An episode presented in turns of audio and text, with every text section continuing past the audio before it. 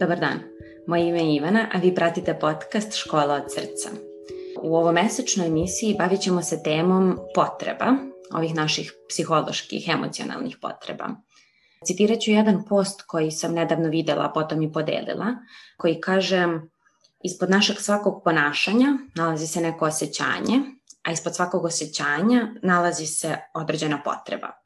Tako da bismo bolje razumeli sebe i svoje ponašanja kao i ponašanje ljudi oko sebe, koristi nam da znamo o tome koja su naše osjećanja, a ispod toga kao sržno koje su naše potrebe. Kada sam preslušavala prethodne epizode podcasta, shvatila sam da nije bilo ni jedne teme koju smo obrađivali, a da se zapravo nismo dotakli teme potreba i da se potrebe nisu javile kao nešto što se nalazi u pozadini bukvalno svake teme o kojoj smo pričali. E, da bismo bolje razumeli šta nam je to potrebno u ovom emocionalnom i u psihološkom smislu, u ovoj epizodi pričat ćemo o tome koje su to zapravo naše emocionalne potrebe, potom o tome kako se odnosimo sprem svojih potreba, koje su to zrelija i manje zrela mesta odnošenja sprem odnošenja prema našim potrebama e, i na kraju daćemo neke primere kako se možemo zdravo odnositi sprem svojih potreba. Moja današnja gošća je psihološkinja i psihoterapeutkinja Tamara Vidović. Tamara, dobrodošla. Ćao Ivana, hvala što si me zvala. Hvala tebi. Um, ja praktikujem da otvorim podcast jednim pitanjem. Ta tema uh, o kojoj pričamo, znači tema potreba, uh, znači za tebe lično.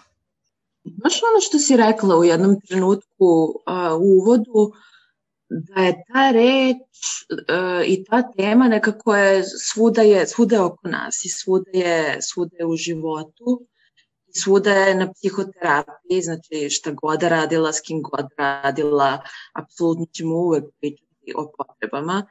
I um, za mene lično, hm, pa naravno da mi je značilo i kroz moj lični razvoj da malo osvestim šta ja to zapravo radim, zbog čega radim to što radim.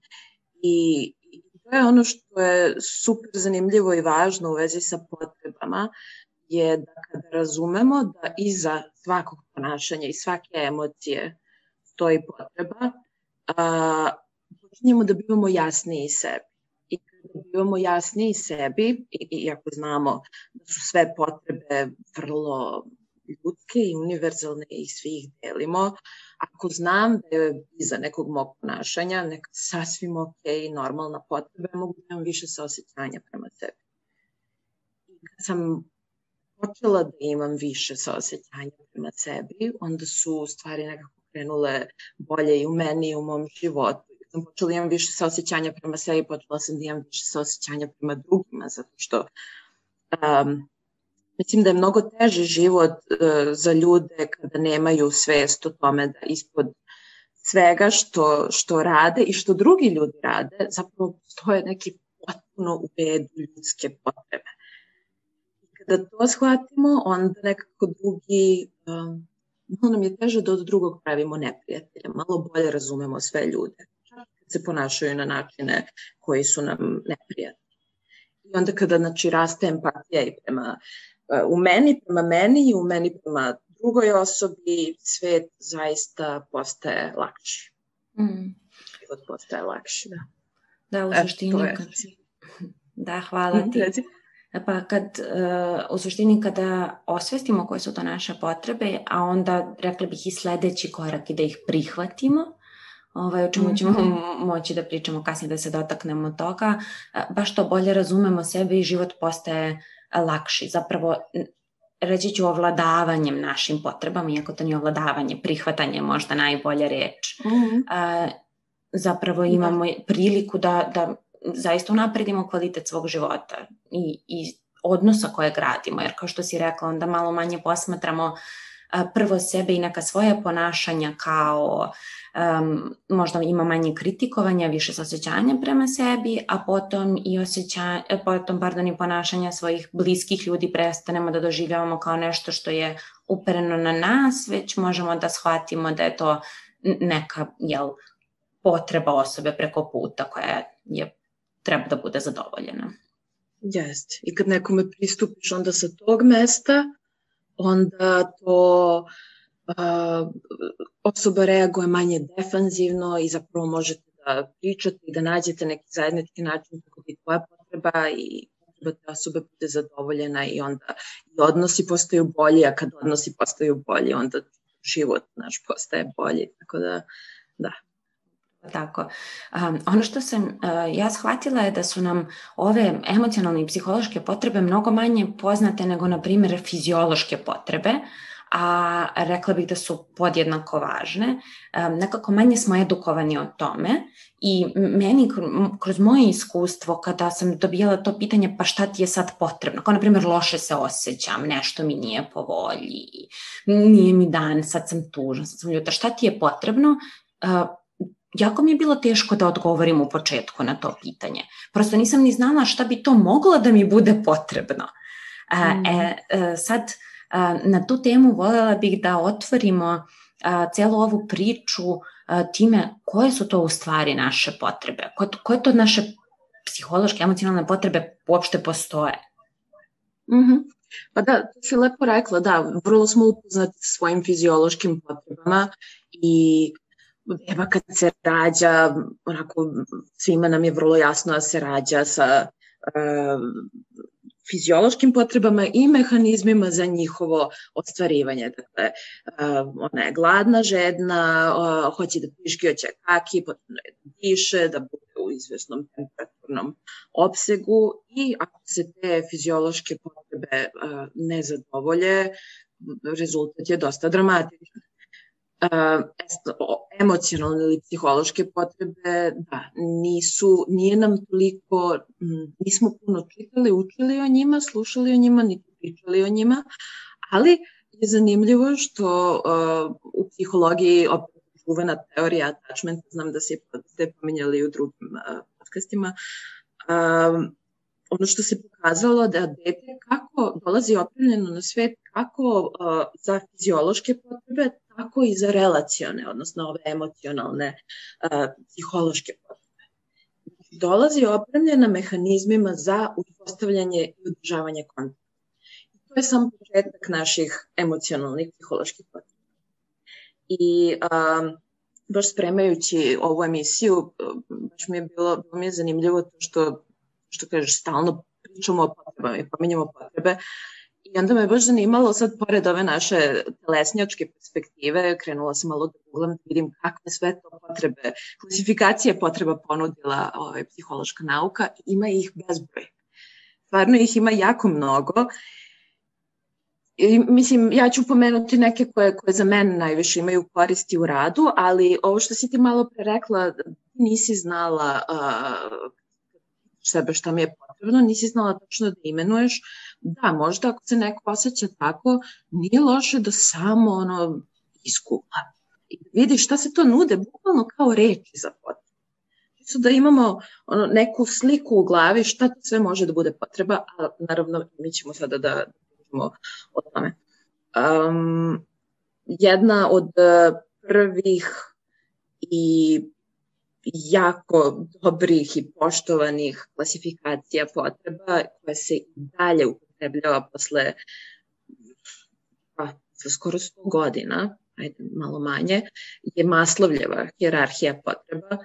Um, I uh, samo ću preleteti kroz nju, zato što mislim, vrlo je utemeljena, vrlo ima smisla, koriste u psihologiji i u raznim drugim disciplinama. Um, Maslov kaže da možemo zamislimo potrebe kao jednu piramidu i na samom dnu te piramide su uh, fiziološke potrebe, biološke, fiziološke potrebe za recimo vazduhom, hranom, pićem, to sve uh, pominjali. I tek kada su te potrebe zadovoljene, mi možemo da idemo na sledeći nivo potreba, a to su potrebe za sigurnošću odnosno potrebna nam je u životu stabilnost, uređenost, kontrola, predvidljivost, na primjer, finansijska sigurnost, e, krov nad glavom, da se osjećamo sigurno u svom domu, da imamo uređenu državu recimo ili da nema da se osjećamo sigurno, ne znam, od prirodnih nepogodi. Kada se taj nivo potreba zadovoljen, e tek onda možemo da krenemo da se bavimo našim potrebama za ljubavlju i pripadanjem. I um, su recimo potrebe da budemo u odnosu, da se vežemo za nekoga i neko za nas, da budemo deo grupe, potreba za intimnošću, poverenjem, prihvatanjem, primanjem, davanjem ljubavi. I kad su te potrebe zadovoljene, tek onda možemo da postanemo svesni da imamo potrebu za poštovanjem. I tu bi spadalo um, poštovanje i prihvaćenost od strane drugih, recimo reputacija, u nekim slučajima status, prestiž, ali i potrebe za samopoštovanje, dostojanstvo, postignuće, stručnost, nezavisnost. I kada su sve te potrebe zadovoljene, dolazimo do omiljenog maslovljevog dela potreba, a, a to je potreba za samoaktualizaciju. I to je najviši nivo razvoja potreba čoveka i to je potreba da ispunimo svoje potencijale, da postanemo sve ono što možemo biti. Samo ispunjenjem, ličnim razvojem, kreativnošću, um, Kasnije je Maslov tu nešto i menjao i postoje malo fleksibilniji, zato što je postao svestan toga da ne moramo da zadovoljimo neke potrebe da bismo imali neke druge više potrebe, da to zavisi od ličnosti, od kulture i od situacije. I e, dodao je još jedan nivo potreba, možda je bitno da pomenem, jer nekim ljudima hoće biti bitne, a to su transcendentalne potrebe, koje nadila za pojedinca. I tu spadaju duhovna kolektivna iskustva, recimo neka mistična iskustva iz vere ili kontakta sa prirodom ili seksualnog odnosa ili duboka estetska iskustva ili potreba prosto ne moraju da idu na stranu vere i religije, može da ide prosto ono potreba da prinesemo, da služimo, da, da učinimo svet boljim mestom. Da, eto, to su, to su maslovljeve potrebe, sad sve ostale kategorizacije manje više vidjet će ljudi ako budu malo i gledali i čitali da, da imaju veze sa ovom. A ono, kategorizacija koju mi koristimo i koja meni za terapiju vrlo, vrlo ima smisla je nešto što se naziva ili karakterologija ili karakterne strukture i to je Ona potiče od Wilhelma Reicha, koji se smatra ocem telesne psihoterapije, iako su dobro i neki drugi ljudi pre njega pričali u telu psihoterapije, ali ajde da kažemo da počinje od njega i on je bio Freudov učenik koji se naravno posle odmetnuo i elem u jednom trenutku je on primetio da da može ljude, kada posmatra ljude, da može da vidi da neke crte njegovog karaktera idu uz određene telesne položaje i da to onda ima veze sa nekim potrebama u detinjstvu. Tako da on napravio tu a, jednu podelu potreba, odnosno napravio tu karakterologiju koja je za nas sada bitna u, u potrebama, što kaže da se potrebe javljaju po razvojnim fazama deteta. Znači, imamo raz, raz, razvojne faze u smislu nekih ključnih momenta u razvoju deteta gde postoje te ključne potrebe na koje je jako bitno kako će okolina odgovoriti. I u zavisnosti od tog odgovora okoline, dete onda ima svoju reakciju. I kroz tu reakciju um, dete grade dalje um, način prilagođavanja na sredinu, gradi svoj karakter uh, i koji će kasnije vrlo uticati na to kako će doživljavati život i kako će a, svet reagovati na njega i kako će uopšte život za njega. I samo da, da vidim ako sam te dobro razumela, a, prvo, naše potrebe se javljaju odmah po rođenju, jel? Ili, ili neposredno nakon toga. Hoću da kažem dok smo još mali, to nije nešto kao sad sam ja odrasla osoba od 30 i kusur godina i nešto mi je potrebno, već su one prisutne celoživotno. Tako je. Da.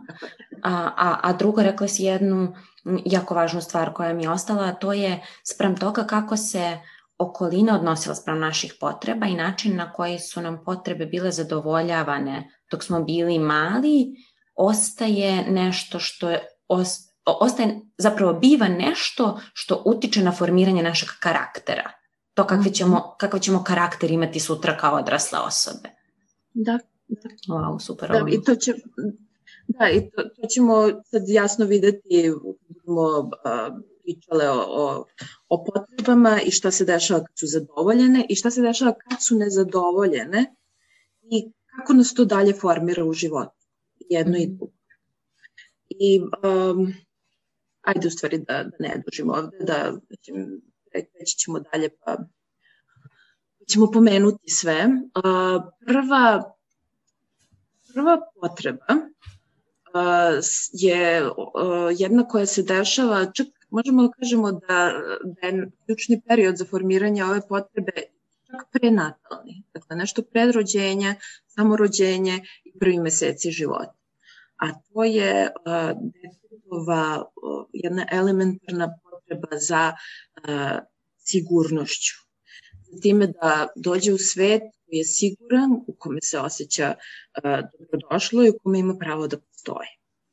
I ovo sad možda zvuči malo abstraktno, ali zapravo jako je jednostavno. Ostvaruje se prosto tako što dolazi na svet koji je relativno uređen, roditelji mu se raduju, prisutni su i osjeća se dobrodošlo. E sad, ima mnogo situacija i ima mnogo dece i mislim odraslih ljudi kojima ova potreba nije zadovoljena.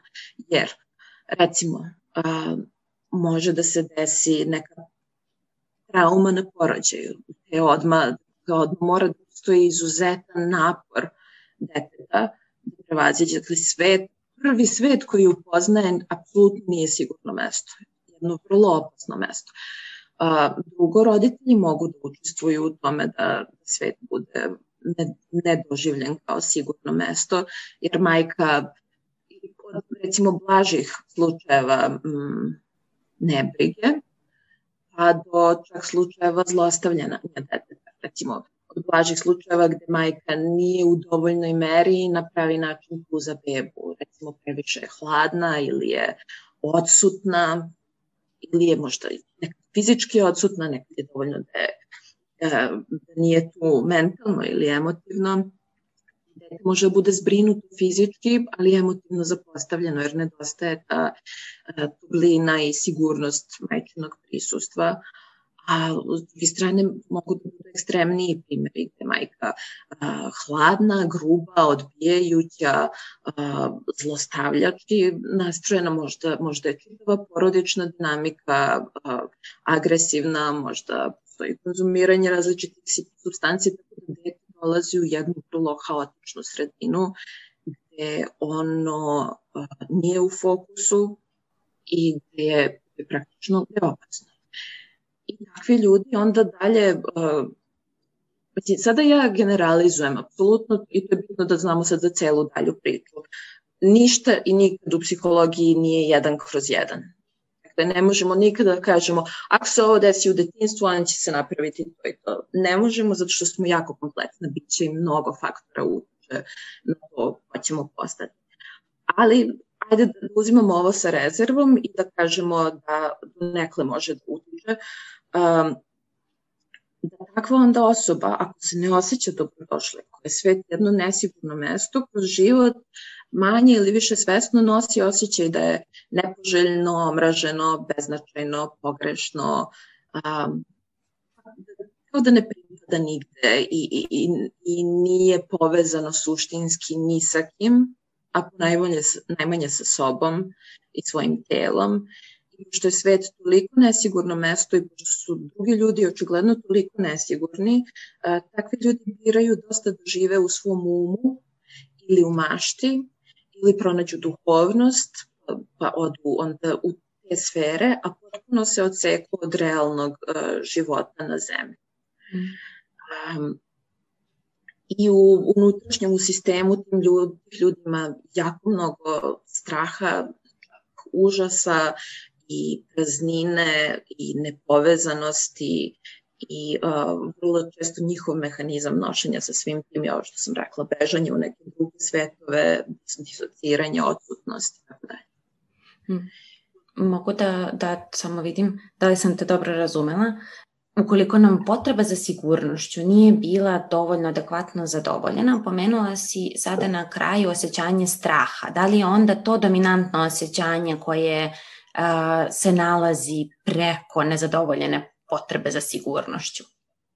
Da, uglavnom jeste. Uglavnom jeste i pošto je taj strah toliko rani i toliko ono, primalan, um, taj strah može da ide do nivoa panike i užasa, um, da je sa, ovim, sa ovom baš ranom, ranom razvojnom traumom uh, onako treba, treba raditi na tome. -hmm, dosta je povezano. Kada sam, sad mala digresija, ali kada sam pričala sa e, Helenom o napadima anksioznosti i napadima panike, ona je zapravo i ona pomenula teoriju privrženosti i tu našu prvu primarnu potrebu sigurnosti koja mm. ukoliko nije adekvatno zadovoljena kasnije u odrasloj dobi može da se ispoljava kao um, jaka anksioznost, anksiozni napad ili napadi panike. Tako je, tako je. I, I opet i ovo ne treba da posmatramo kao jedan kroz jedan. Pa ako imamo napade panike, ne mora da znači da u prvim mesecima života da ova potreba nije zadovoljena. Moguće da se neka trauma desila nekada kasnije, gde je potpuno uzdrman sistem i uh, što uh, količina straha je ostala u sistemu i, i tako zemlje. Hmm. I druga stvar koju si rekla, koju sam ja videla ovde kao važnu je da ljudi kojima nije dovoljno adekvatno zadovoljena potreba za sigurnošću, kasnije u odrasloj dobi su, se teško povezuju imaju taj mm. osjećaj nepovezanosti, nepripadnosti e, grupi, pretpostavljam vršnjacima, sa prijateljima, partnerima, jel da? Da, da, da. Što uh, naš primarni osjećaj sigurnosti ne postoji ni jedan drugi način da to osetimo uh, nego odnos. Znači, odnos u kome, jer beba kada dolazi na svet, uh, beba je jedna, jedna vreća potreba. Znači, beba dolazi sa gomilom potreba uh, o kojima ništa ne zna i ništa ne razume. I uh, naravno da kada je neka potreba nezadovoljena, osetit će nešto neprijatno u sebi beba sada ne zna da li to što osjeća je nešto benigno, što je glad, ili je nešto što može da je ubije, dakle nešto vrlo ugrožavajuće. Beba a, to osjeća kao ogroman ono, stepen ugroženosti i tako se i ponaša, jako plače. I ono što je potrebno je da tu postoji jedan stabilan odrasli koji je sposoban da reaguje. Da dođe tu i da stavi dete na svoje grudi, dete osjeti kontakt koža koža, da osjeti otkuce srca i na tom fiziološkom nivou, znači tu reči možda zvu, e, prozodija, ton, mame će nešto značiti, ali ono što pomaže zaista je telesni kontakt. I a, to je ono što umiruje, umiruje dečiji sistem. Kroz takvo iskustvo a, koregulacije, dakle majka koja dolazi, dešava se a, uznemirenost dolazi majka umiruje, uznemirenost dolazi majka umiruje i to se ponavlja i ponavlja i ponavlja. To stvara u detetu uh, jedno očekivanje da ako se desi nešto strašno unutra, neko će biti tu i znači kako to da umiri. I iz toga se gradi elementarni osjećaj sigurnosti. Mm. Iz kontakta. I ako to ne dobijemo u kontaktu, mi vrlo rano naučimo da otpisujemo, da otpišemo ideju da drugi mogu da budu tu i da sigurnost uopšte postoji, pogotovo da postoji u kontaktu. I onda prosto, eto, to je njihova bila strategija proživljavanja ljudi sa ovom potrebom, to ono što sam rekla, oni prosto odu negde drugo, u neke druge svetove i tamo je sigurno, tamo nema mhm. ljudi. I onda uh, kasnije tokom života ljudi koji imaju ovu potrebu nezadovoljenu, svoju potrebu za sigurnošću neće tražiti u kontaktu, već naprotiv izvan kontakta. Jel da, imaće potrebu da se osame, da se izoluju, da u, u stresnim situacijama sami sa sobom budu da bi se umirili i regulisali. Uh, da, s tim što oni ne umeju, i, i to je sada muka sa njima, što oni ne umeju da budu ni sami sa sobom.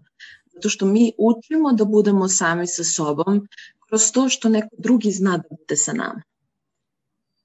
Znaš, tako da kroz to što će mama prepoznavati, sad ja govorim mama, ne bitno je koja, neki primarni staratelj, ali mama ume da prepoznaje naše potrebe i odgovori na njih, kroz to mi učimo koje su naše potrebe i kako se odgovara na njih, učimo onda, onda sa sobom. Ako nema drugog, onda nikad ne naučimo ovo. Tako da tim ljudima uopšte nije bezbedno sa sobom, nije im bezbedno u svom telu, nije im bezbedno u svojim emocijama i zato oni, da, apsolutno kad se osjete uznemireno, oni da beže od drugih, jer drugi su opasnost, ali će da beže i od sebe.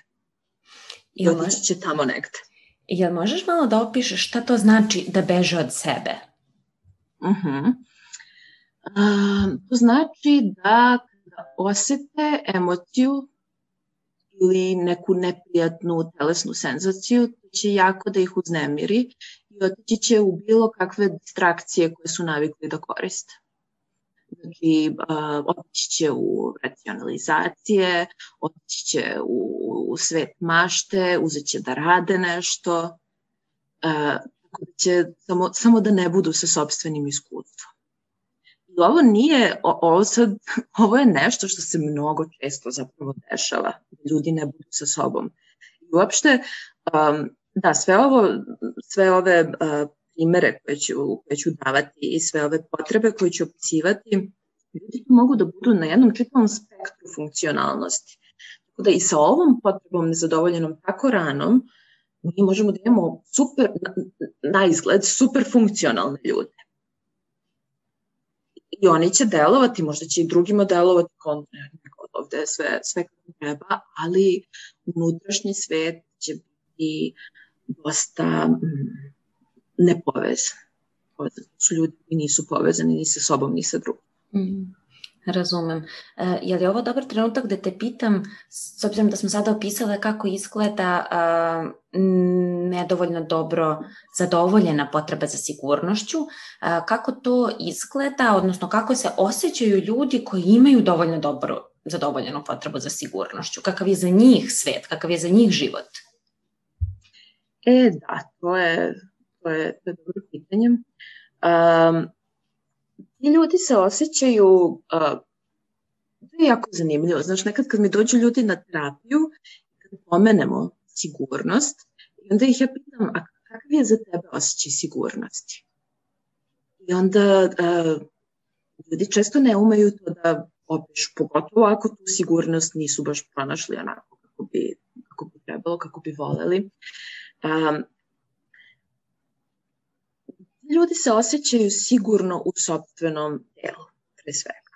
Znači, ne beže od sobstvenih telesnih senzacija, osjećaju se sigurno unutra, um, sigurno mogu da stoje na zemlji, uh, i sad to, to mislim i uh, konkretno, u smislu kada stojim, osjećam da stabilno stojim i osjećam da je zemlja tu i osjećam da sam ja tu. Mislim i figurativno znači osjećaju sigurnost, jednu sigurnu utemeljenost u realnosti.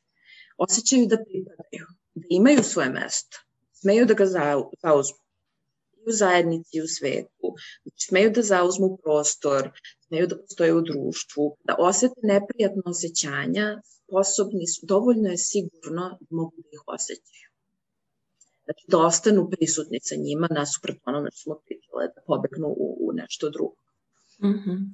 Znači, e, dovoljno dobro zadovoljena e, potreba za sigurnošću nam daje onda taj jedan e, prostor, priliku da budemo povezani sa sobom, povezani sa sobstvenim osjećanjima, čak i sa onim mhm. neprijatnim. Nasuprot toga kada nije, onda smo nepovezani sa, sa osjećanjima, naročito neprijatnim. I onda je doživljaj da šta, ne osjećamo ništa.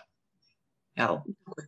Mm -hmm. Ne osjećamo ništa, ne znam što osjećam, ne osjećam ništa, nije ni važno osjećati i tako dalje.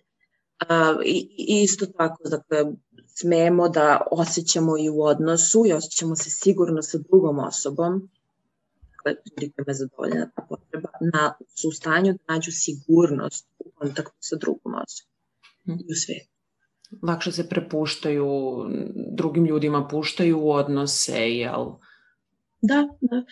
Kažem, sigurno, um, mislim da je to koncept o kome mi možemo da uh, pričamo verbalno, ali to je nešto što toliko, toliko bazično da tek kada osetimo kroz telo uh, znamo šta je to zaista. Jedan osjećaj um, mm, kad se unutra nešto sleže ili spušta ili umiruje, uh, jedan unutrašnji osjećaj prijatnosti i mira kada smo recimo sa drugim ljudskim bićem ili sami sa sobom u sobstvenom telu. Mhm, razumem, hvala.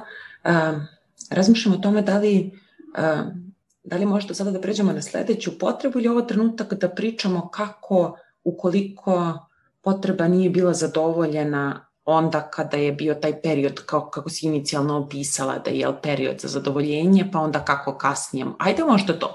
Ukoliko potreba mm -hmm. za, za sigurnošću nije bila dovoljno e, ili adekvatno ispunjena onda kada je trebala da bude, a ti si rekla da ta potreba, e, da nam se ta potreba javlja još intrauterino i u tim nekim prvim mesecima života, jel da? Mm -hmm. um, da li se uh, propušteno zadovoljenje potrebe može kasnije u životu nadoknaditi? Ako da, na koji način? Da, da, da, apsolutno da i to je divna, divna vest. Um, potreb, da, da uh, tako što moramo da se pozabavimo time. Ovo je rana koja je, ostala, koja je nastala baš, baš rano i um, sad zavisi često je tu potrebna psihoterapija i uh, potrebno je kada, kada radim sa ljudima sa, sa tom ranom, um, potrebno je da nauče da nastane uh, svoje telo na siguran način. I, i s njime to je često vrlo teško raditi, jer šta osjećaš, ne osjećam ništa. Šta osjećaš u telu, ne osjećam ništa u telu. Ili kada ih povučem u telo, tu, tu se desi haos i, i prosto nije sigurno mnogo, mnogo neprijatnih senzacija uh, izbije. Tako da uh, potrebno je da uče kroz jedan siguran odnos, um, što terapijski odnos često jeste, kako da sigurno nastane svoje telo, kako da znaju, kako da osete svoje emocije, um, šta znači biti prisutan, to je jako bitno za ove ljude, zato što oni često nisu, je odu negde drugo. Šta znači biti prisutan, a šta znači ne biti prisutan. Praviti razliku između ta dva. Um, šta je uzemljenje? Znači, kako da osetim da sam u fizičkoj realnosti i da je moje telo tu i da postoji neka podloga na kojoj moje telo postoji i da vidim to što vidim i da čujem to što čujem i da sam prisutna u sada i ovde. Um, I na kraju, eto, ono što, što se usvaja kroz čitav rad na ovoj temi je da ima pravo da postoji i da je sada sigurno, da nekada nije bilo sigurno, ali da je sada sigurno i da sada negde pripada. Mm. E, ako sam te dobro razumela, znači e, naknadno e, zadovoljenje potrebe za sigurnošću, kad kažem naknadno mislim ono što sam malo rekla da nadoknadimo kasnije u toku života, da bi se to desilo zapravo neophodan je odnos. Jer kao što je, da, inicijalno trebalo da bude zadovoljeno kroz odnos, da bi kasnije bilo zadovoljeno, opet je potreba neki dovoljno siguran odnos. Tako je, tako je. Okay. Uh, super, je li sada pravi trenutak da pređemo možda na, na sledeću potrebu? Ili si htela još nešto važno da dodaš vezano za potrebu za sigurnošću? Ne, možemo da pređemo na sledeću. Um, ta potreba nastaje negde tokom prve i druge godine života i um, to je potreba deteta što se rađa kao potpuno potpuno jedno nemoćno biće koje nije u stanju da zadovolji ni jednu svoju potrebu i uh, potreba deteta da bude zbrinut, da sme da ima potrebe, da uh, na ne, njegove potrebe neko odgovara nežno sa ljubavlju i tačno, odnosno daje mu baš to što mu je potrebno. potrebno I to je period jedne zdrave simbioze sa majkom. I ostvaruje se tako što mama ume da pozna njegove potrebe i adekvatno i uvremenjeno i s ljubavlju odgovara na potrebe. Što, što uopšte da, kada budem pričamo o ovome šta je potrebno da roditelji da daju, e, baš mi je bitno da napomenem da roditelji nikada ne mogu da budu, ne treba da budu savršeni u ovome. E, jer mo, nekad roditelji osjećaju krivicu što, nekad, što nisu mogli da daju, ne znam koliko bi trebalo da daju, ali nijedan roditelj nije savršen, bitno je da pokušavamo da damo što više možemo i ovo je izazovno, jer kada mala beba plače, mama u početku pogotovo, ne znam, mlada mama ili mama koja je mama prvi put, nema pojma zašto beba plače. I ne može sad iz prva tačno da odgovori na dečju potrebu, jer mora da uči o bebi. To je isto jedan prirodan proces gde se i mama adaptira na bebu i beba na mamu i to se stoji onda taj proces usklađivanja. Znači, bitno je da mama tu prisutna, daje se, prioritizuje dete i dečije potrebe i sad ljubavlju odgovara na njih koliko god je to moguće. Uh, imam ovdje jedno pod pitanje pre nego što nastaviš, jel možeš da mhm. napraviš neku vrstu distinkcije između potrebe za sigurnošću i potrebu za, potrebe za zbrinutošću, da su naše potrebe zbrinute? Uh -huh. um, znači, potreba za sigurnošću je to da je svet oko bebe uređen, predvidiv i a, da je sigurno mesto. Um, potreba za zbrinutošću ili to pravo da imam potrebe je to da kada dete pokazuje potrebe, stoji neko ko dolazi i odgovara na njih na dosledan, ljubavan način i, i tu je. Hvala. Mislim, raz, razumem tvoje pitanje, jesu povezane. Mislim, ovo su jedno i drugo se dešava tokom prve godine života i vrlo je blisko povezano, ali nije, nije potpuno isto. Hmm. Neko da recimo dete jeste dobrodošlo i rad, roditelji se raduju što se dete rodilo, ali onda kreće da ima potrebe. Kreće da ima jako puno potrebe.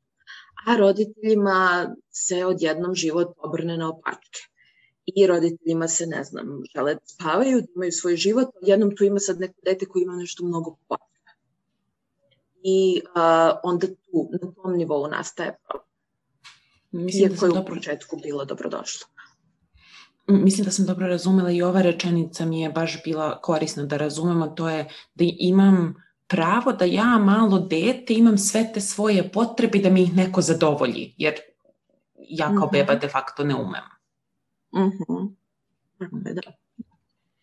I kada nisu, kada roditelji ne odgovaraju adekvatno na ove potrebe, znači se ne posvete na pravi način da u tim najranijim mesecima i godinama, um, može se desiti zato što je majka donekle negujuća, ali nije recimo bila dovoljno dostupna vremenski ili emocionalno ali zbog nekih svojih problema ili možda zato što i ona sama ima ovu nezadovoljenu potrebu i sad se javlja dete koje ima još više potreba, a ona ima i dalje svoje nezadovoljene potrebe, da ona nije sposobna da da to što ni ona sama nije napravila za sebe u životu.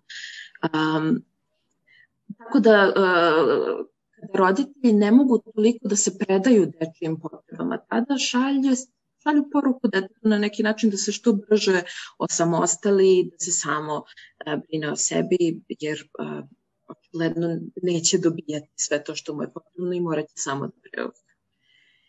Što je ok u nekom trenutku, ali kad je razvojno, kada, kada dođe trenutak u razvoju da to jeste ok. U ovim, u ovim prvim godinama da je stvarno potrebno da neko konstantno zbrinjava. Um, takođe može se desi da uh, mama jeste tu i, i, i hoće, ali da nije dovoljno usklađena, to je ona reč attuned, emocionalno usklađena sa detetom. Dakle, uh, tu je, ali ne prepoznaje baš dobro dečije potrebe. I to je hronično. Recimo, dete plače jer je uplašeno, a mama, koja verovatno nije povezana ni sa svojim potrebama, pa ne može ni dete, to je dobro da razume, bude uplašeno, a mama mu gura hranu u usta jer misli da veruje da je, da je to. Um, tako da ovi ljudi koji imaju osjećaj da nemaju pravo na svoje potrebe, um, nekada izrastu u ljude kojima navodno ništa ni ne treba. i oni su se brzo samostalili i jako volja im pomaže da funkcionišu, da se drže tako snažno. Um, a onda se posle nekog vremena, zato što njihove su hronično nezadovoljavane, uh, onda se samo istroše i padne u neko stanje pasivnosti, nemoći depresije i um, tako da to, je, to može da bude jedan od obrazaca, a drugi obrazac ljudi sa ovom zadovoljenom potrebom su oni kojima se život i, i verovatno ih znamo iz svog okruženja, život im se dosta vrti oko pokušaja da ih drugi ljudi emocionalno namire. Istinu.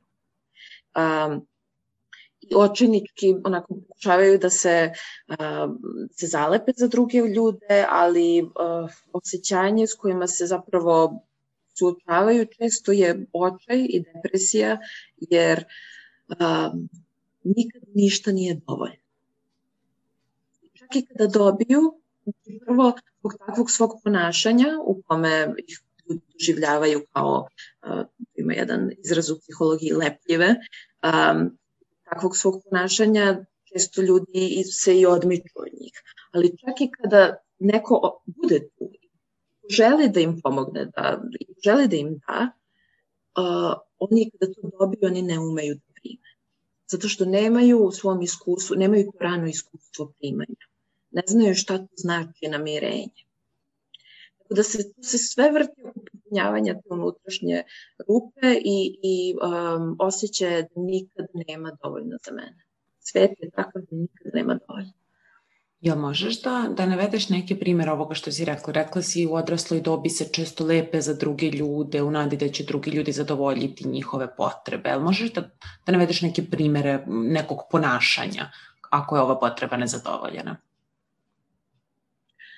Um, je, recimo, um, ne mora uopšte, mislim, važe i za muškarci i za žene, ali ajde recimo, um, žena kojoj je neophodno da bude sa, da nađe partnera, da bude sa partnerom i um, traga za takvim partnerom koji će moći na razne načine da je zbrine. Misli da ako nađe nekoga ko će moći da odgovori na sve njene potrebe, koje spadaju baš razne potrebe, će onda konačno biti srećna i um, ono što je obrazac je da uopšte ne nalaze takvog partnera i kada ga nađu postane nešto potpuno drugo jer neko koji pristane na to vrlo često bude uh, kontrolišuća osoba koja um, kreće, kreće se jedna, jedna druga dinamika. Su um, ljudi koji će, ne znam, možda će u prijateljstvima mogu da budu takvi da, ne znam, da nazovu stopodnevno, da sve svoje dele s nama proveravaju sa nama, isto i u partnerstvima, da prosto da žele da ostvare tu simbiozu koju nekada nisu imali. I onda takvo ponašanje vrlo često za, za ovu drugu stranu življava se kao, kao naporno i onda oni življavaju odbacivanje i opet se ponavlja taj scenarij od se njih nema. Stičem utisak da su uh, da ljudi koji nemaju ovu potrebu dovoljno adekvatno zadovoljenu su do, jako orijentisani na druge ljude, jako su usmereni na, na druge, jako im je bitno da imaju tu neku drugu osobu, partnera, prijatelje, nekada mm. postanu roditelji, jel da, koji, da im je jako važno da neko bude tu, da, je, da im je teško da budu sami odgovorni za sebe, Jeste, jeste, to si baš si dobro poentirala, to je, to je apsolutno to. I kada u radu sa takvim ljudima, ono što je najvažnije i čemu se jako opiru, jako, jako, jako se opiru ideji da um, niko neće doći da ih spasi. I, jer je to ideja koju su fiksirali i zato što je to nešto što se nije desilo, a, a trebalo je razvojno da se desi nekada davno, davno, davno ali se nije desilo. I onda ostaju fiksirani na to i to očekuje se desiti. I onda mi imamo ovaj, psiholozi da im saopštimo lošu vest, jel te? Mislim šalim se malo, ali to je ono što oni moraju da uče kroz psihoterapiju, a to je da um, kako da budu tu za sebe. Što ne znači, ne isključuje to da neće dobijati od drugih. Ali kada onda budu tražili od drugih, kada budu potrebno od drugih, bit će potrebno na ipak malo drugačiji način. Što imaju sebe i nema toliko očaja u svemu tome. E, onda je možda opet ovo dobar trenutak da te pitam na koji način se ne, neadekvatno zadovoljena potreba a, za zbrinjavanjem, tako ću je nazvati, a, može nadoknaditi kasnije. Na koji način je možemo zadovoljiti? A, pre svega, sam rekla da ima i onih koji uopšte ne priznaju da imaju potrebe, prvo da priznaju da ih imaju, da ih osete u sebi, da ih osveste, da priznaju da ih imaju i da prihvate da je to okej, okay, da je vrlo okej okay imati te potrebe. Da uče kako da sami mislim, mi to nikad ne uče sami, to uče recimo sa, sa terapeutom ili u nekom negujućem odnosu, da uče kroz, možda kroz odnos, kako sami da budu u odnosu sa sobom opet se vraćamo u taj odnos sa sobom. Um, I ono što je isto jako, jako bitno za ovu temu je da, da to je ono isto što, što gledamo u terapiji, um, njih često šta god da dobiju um, nije dovoljno. Jer nije baš onako kako im je potrebno da bude. Jer su vrlo su usmereni na svoju potrebu. Zamislili su kako to kako zadovoljenje potrebe treba da izgleda i kada dobiju nešto drugo, to je onda malo nedovoljno pogrešno i tako dalje. E sad, potrebno je da shvate da se ta rupa neće popuniti odjednom nečim velikim, nego da će se popunjavati malo, malo po malo. Puno delić po delić, po delić po delić. I da osete to iskustvo namirenja, malog namirenja Dakle, ne mora se desi ništa veliko i dramatično. To su ona mala iskustva gde osetim kako mi, uh, mislim, sad ću baš uzeti ona najmanja, ali to jesu iskustva nekog uh, unutrašnjeg zadovoljstva ili namirenja kada um, mi sunčev zrak padne na kožu i osetim zadovoljstvo od toga osetim iznutra to zadovoljstvo. Dakle, nije samo da sam pomislila da je baš lepo, nego osetim iznutra da moje telo ima reakciju na to i da se nešto u meni umiruje. I isto tako, kad se desi nešto malo dobro u odnosu, da to uvažim i da osetim kako opet moj organizam nekako reaguje na to. I kroz ta mala ponavljana iskustva namirenja zapravo učimo da uzimamo, da primamo dobro kroz ta ponovljena primanja dobrog zapravo dolazi do toga da u jednom trenutku nema više onoga da nema za mene i nikad nema dovoljno, nego život je, život je bogat, ima puno toga lepog iz polja i u meni i već je tu. Ne moram da jurim za tim, već je tu. Ovo je na kraju onda lepo, lepo si opisala ono što sam htela sledeće da te pitam, a to je bilo kako izgleda kada imamo dovoljno dobro zadovoljenu potrebu za zbrinutošću. Da, da. Mislim, um, takve ljude možemo da prepoznamo po tome što um, kada oni traže, to je potpuno jedna najnormalnija stvar na svetu. To stvarno izgleda kao najnormalnija stvar na svetu. Znači, ne traže onako ljuto ili besno, niti uh, traže sa uh, stidom, sramom, nego tako prirodno i onako traže, traže prosto kao ljudi koji su navikli da kada traže da će nešto dobiti, da je to vrlo okej. Um, tako da da, oni, oni poznaju ciklus potrebe, oni znaju da osete, da osete svoju potrebu i da je njihova potreba okej, da je okej tražiti da dobiju, oni ume da, umeju da osete to da su dobili i da osete zadovoljstvo od toga što su dobili i da se završava ciklus ok, idemo dalje. Um, koja su to osjećanja koja dominiraju u nama ukoliko imamo uh, zadovoljenu ovu potrebu naspram toga ukoliko je ne imamo zadovoljenu? Da, ma, možda je lakše uh, ako, ako nemamo zadovoljenu, um, će puno osjećanja uh, očaja. Očaja i um, ljudi će biti skloni depresivnim raspoloženjima, bit će jako uplašeni od toga a, da li će drugi otići, da li će ih odbiti, a, puno ima zavisnosti i nemoći, pasivnosti, a, bezpomoćnosti, su neka osjećanja koja dominiraju. Hvala puno za pojašnjenje i ove naše druge potrebe, potrebe za zbrinutošću. Ja predlažem da mi uh, u ovom trenutku, s obzirom da je razgovor lepo traje, ne bih voljela ništa da e, prekidam ili sečem, uh, da napravimo presek i da završimo ovu emisiju sa ovim do sada, a da se onda u narednoj epizodi osvrnemo na preostale tri primarne potrebe o koje želimo da pričamo, o tome kako se spram svoje potrebitosti možemo odnositi i o tome kako to izgleda zdrav, zreo pristup zadovoljenju svojih potreba. Tamara, hvala ti puno i čujemo se uskoro.